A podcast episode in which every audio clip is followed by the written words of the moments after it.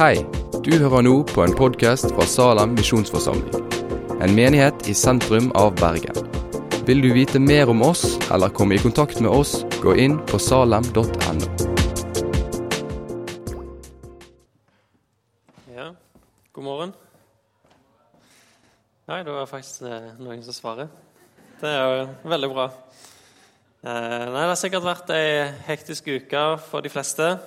Komme inn i rutiner og hverdagsliv og skole og barnehage, jobb, studier, husarbeid, hagearbeid for de som har klart å komme seg ut mellom regnbyggene. Men nå skal vi få lov til å sette oss ned på hviledagen og gjøre som Maria og høre på Guds ord. Så kan vi la Martha ta seg av det praktiske foreløpig. Så skal vi heller hjelpe litt seinere. Og I dag har vi faktisk en nådemiddel hat trick. Vi har både dåp og ordet og nattvær, så det, det er full rulle i dag. Det er veldig bra. Men før dere setter dere for godt til rette, så eh, skal vi reise oss og så leser vi søndagens tekst. Den står i Johannes 15, og vers 9-12. Like som Faderen har elsket meg, så har jeg elsket dere. Bli i min kjærlighet. Hvis dere holder mine bud, da blir dere i min kjærlighet, liksom jeg har holdt min fars bud og blir i hans kjærlighet. Dette har jeg talt til dere for at min glede kan være i dere, og deres glede bli fullkommen. Dette er mitt bud, at dere skal elske hverandre like som jeg har elsket dere. Så god. Eh, teksten vår den står i eh, Johannes 15. Eh, det er en del av Jesu avskjedstale til disiplene. Han forbereder dem på at han snart skal forlate dem, og at de ikke kan følge etter der han skal gå. Men i stedet så skal han sende en annen, som er Den hellige ånd. Og Den hellige ånd skal være med dem. Og Så forklarer han litt forholdet innad i treenigheten. Sitt forhold til far og til ånden. Og Så forklarer han òg Guds forhold til oss gjennom Sønnen. Og Det som kommer rett før teksten vi leste her, det er vers 1-8 i kapittel 15. Så har Jesus snakka om vintreet, hvordan Faderen er vingårdsmannen. Jesus er vintreet, og vi er greiner på han. Og Så sier han at vi skal bli han for å bære frukt. Eh, du kan lese vers 5 der. Jeg er vintreet, dere er grenene.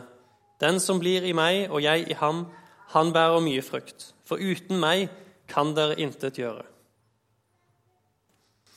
Så I teksten vår så gjentar han egentlig det samme budskapet, men han bytter ut vintreet med kjærlighet. Ikke bli i meg som et tre, men bli i min kjærlighet og bær frukt. Men det er ikke kjærlighet generelt. Eh, det er ikke en diffus eh, kjærlighet. Signe sa at kjærligheten er konkret, og det er han absolutt her. Jesus definerer både innholdet, men òg retningen på kjærligheten. Eh, og For de som har studert matematikk eller fysikk, så vil de sette pris på at jeg kaller dette for kjærlighetsvektoren. Det er ofte ikke Ofte så lønner det seg ikke å beskrive kjærlighet med matematiske eller fysiske begrep, men akkurat vektorbegrepet eh, passer ypperlig til dette. her. For en vektor det er noe som både har en størrelse, altså det har både et definert innhold, og det har òg en retning. Det er retta i en viss eh, retning. Det er ikke som eh, en støvsky som er bare diffus og ligger overalt, men det er som en pil med en bestemt lengde og en bestemt retning som skytes mot noe en vektor. Og den eh, kjærlighetsvektoren i vår tekst Vi skal gå og se både på størrelsen, altså hva som innebærer i eh, kjærligheten, og hvor den er retta, retningen den går i. Og Det første teksten vår sier noe om, det er retningen. I eh, vers 9, Johannes 15, første verset. Like som Faderen har elsket meg, så har jeg elsket dere. Bli i min kjærlighet. Så kjærligheten begynner innad i treenigheten. Faderen elsker Sønnen. Og like som Faderen elsker Sønnen, så har Sønnen elsker oss. Det går altså Faderen til Sønnen. Så sier han 'bli i min kjærlighet' i slutten. Og I vers 10 så fortsetter han 'hvis dere holder mine bud, da blir dere i min kjærlighet'. Og hopp med ned til vers 12. 'Dette er mitt bud, at dere skal elske hverandre like som jeg har elsket dere'. Så vi har altså først at Faderen elsker Sønnen. Og like som Faderen elsker Sønnen, så har Sønnen elska oss. Og like som Sønnen har elska oss, så skal vi elske hverandre. Det er rekkefølgen det går i, retningen som denne kjærligheten følger. Og Rekkefølgen her er faktisk veldig viktig. I det kjente verset i 1. Johannes brev Vi elsker fordi Han elsket oss først. Rekkefølgen er viktig, for det er òg en årsakssammenheng. Fordi Grunnen til at vi i hele tatt er i stand til å elske, er fordi Jesus først har elska oss. Og grunnen til at vi kan fortsette å elske, er fordi han fortsetter å elske oss. Han istandgjør oss gjennom Den hellige ånd. Så Det går i denne rekkefølgen. her. Det begynner for Faderen, går gjennom Sønnen, ender i oss, og skal det gå til hverandre fra oss. Og Vi kan ikke snu denne vektoren. Vi kan ikke snu rekkefølgen. Det går ikke an å gå andre veien. Du kan ikke si at hvis vi elsker hverandre, så vil Jesus elske oss. Det er ikke sånn det fungerer. Selv om det er det som er mest naturlig for oss å tenke, og det er sånn alle verdensreligioner er lagt opp. Det er Hvis du er god mot andre, så vil Gud være god mot deg. Vektoren går andre veien. Den begynner med vår kjærlighet, og basert på hvordan den er, så ender den i Guds kjærlighet til oss. Men i kristendommen er det motsatt. Det begynner med Gud. Vi kan ta to vers på det. Første i Romerne 5, kapittel 8.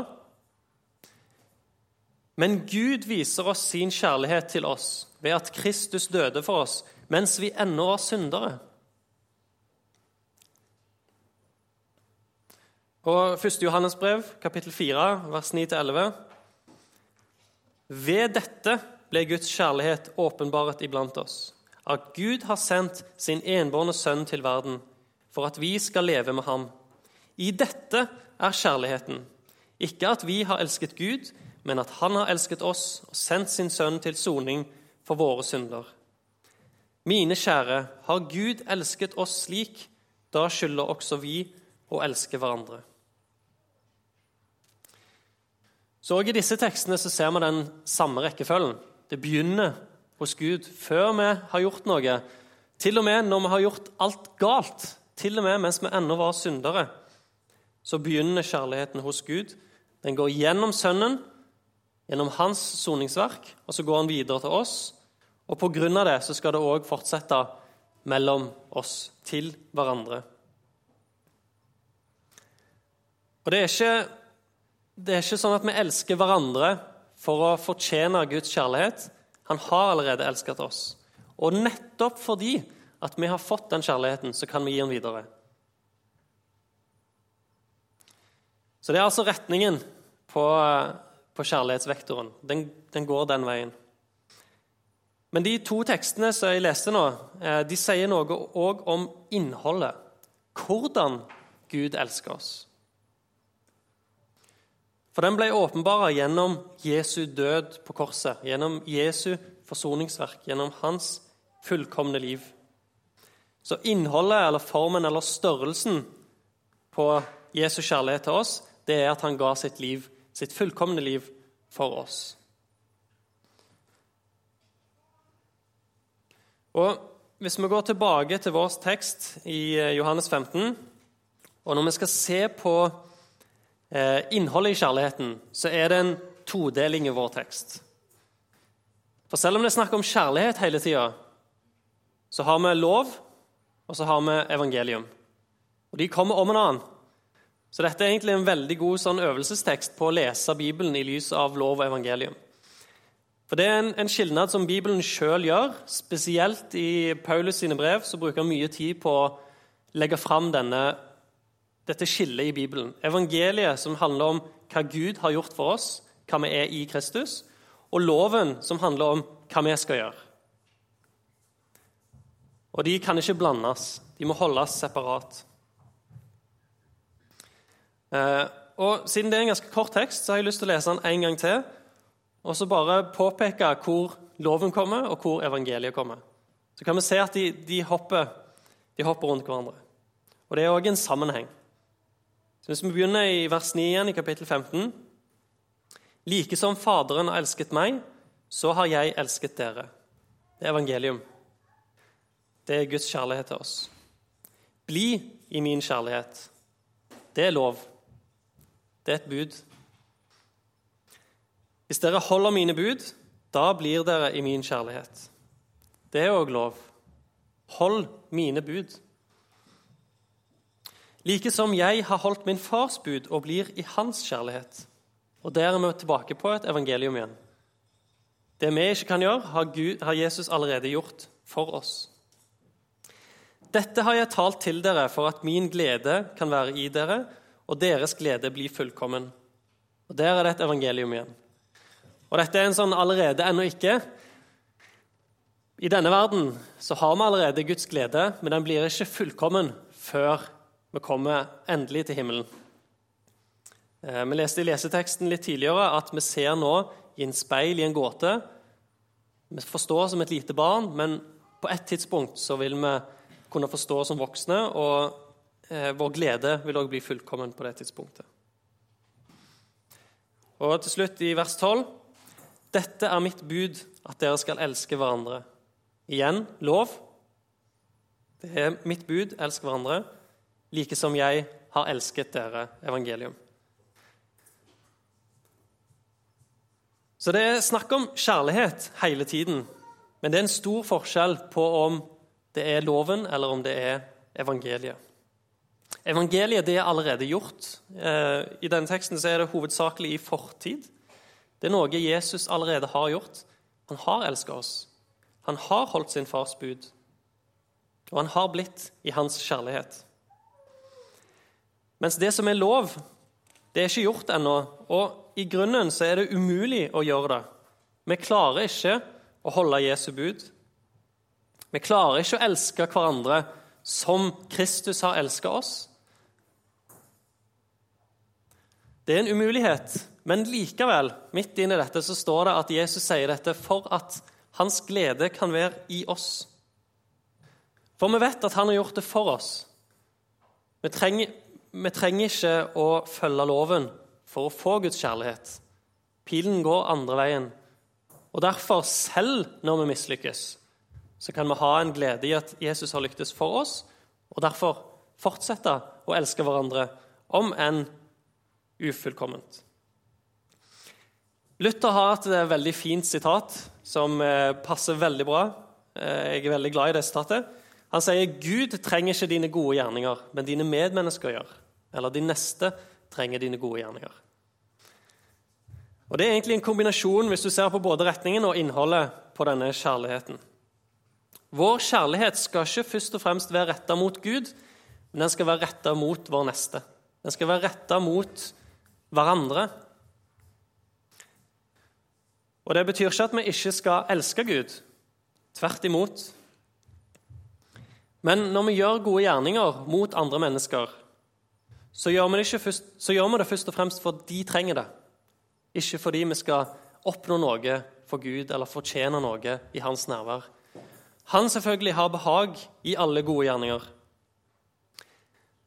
Men vi elsker ikke fordi vi må, vi elsker fordi vi vil, fordi vi først har blitt elska.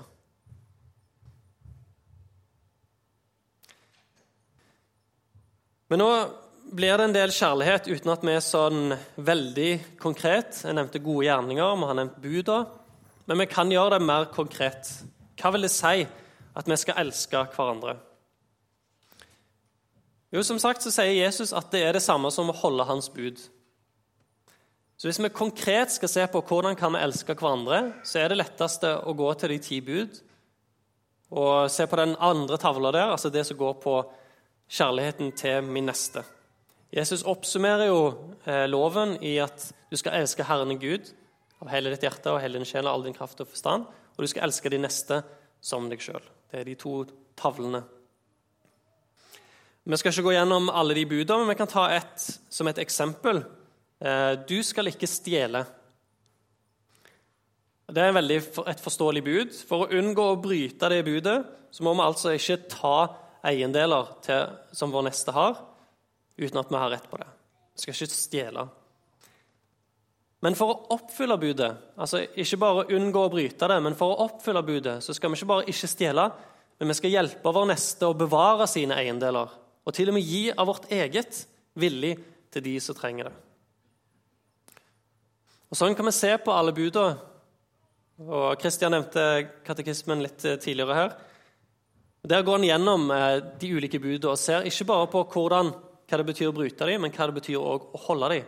Da kan du snu budet på hodet og si ok, hvordan kan jeg elske min neste?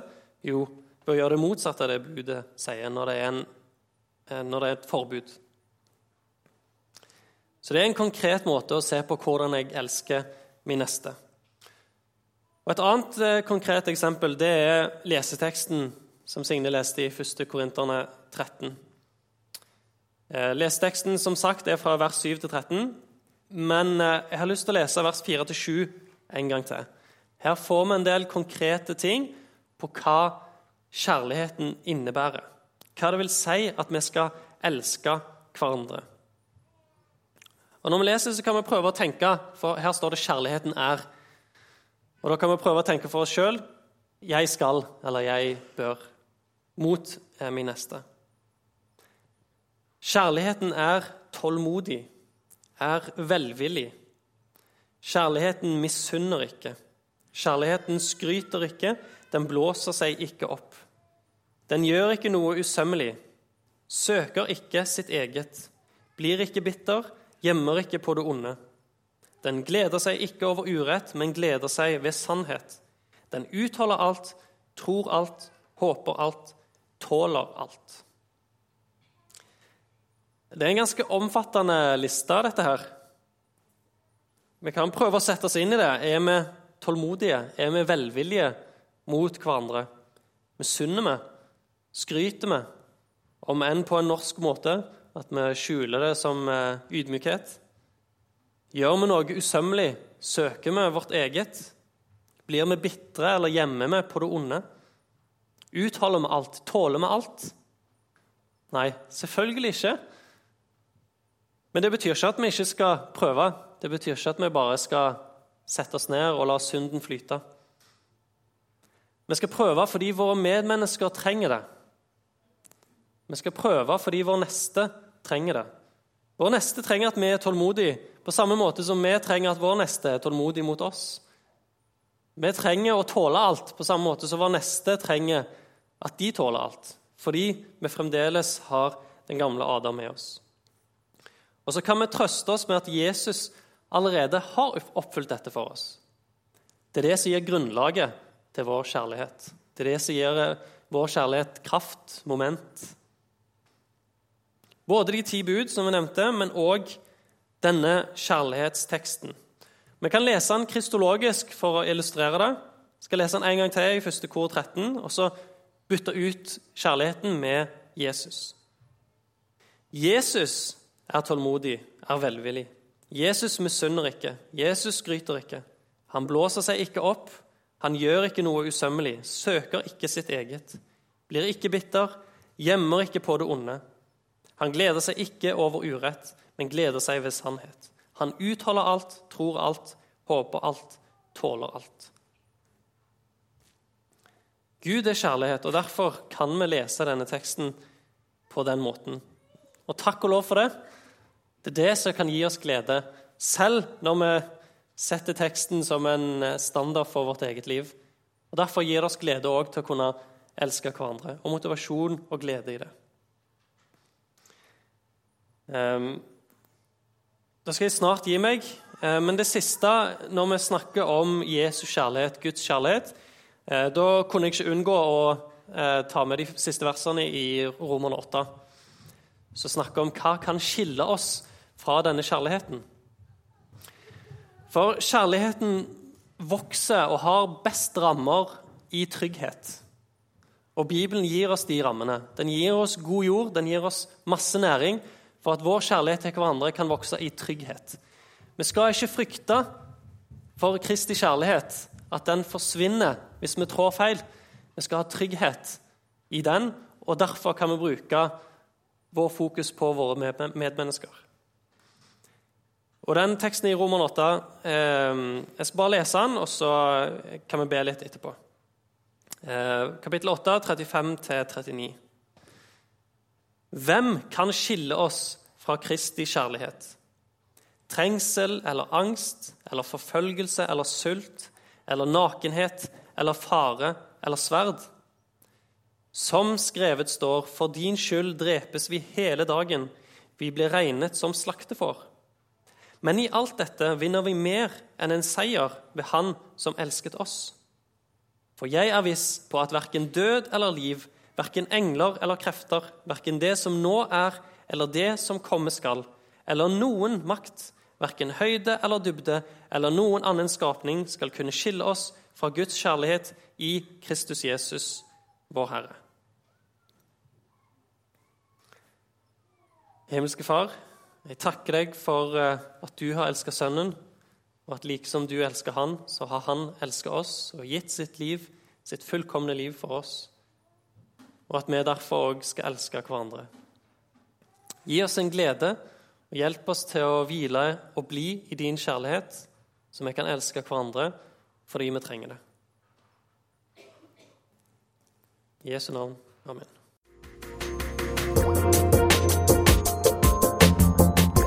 Takk for at du har hørt på podkasten fra Salem, Bergen. I Salem vil vi vokse i et stadig dypere fellesskap med Gud og med hverandre. Vi vil være Jesu hender og føtter, og vi vil være med og forkynne frelse for Bergen og resten av verden. Besøk oss gjerne på salem.no om du vil vite mer.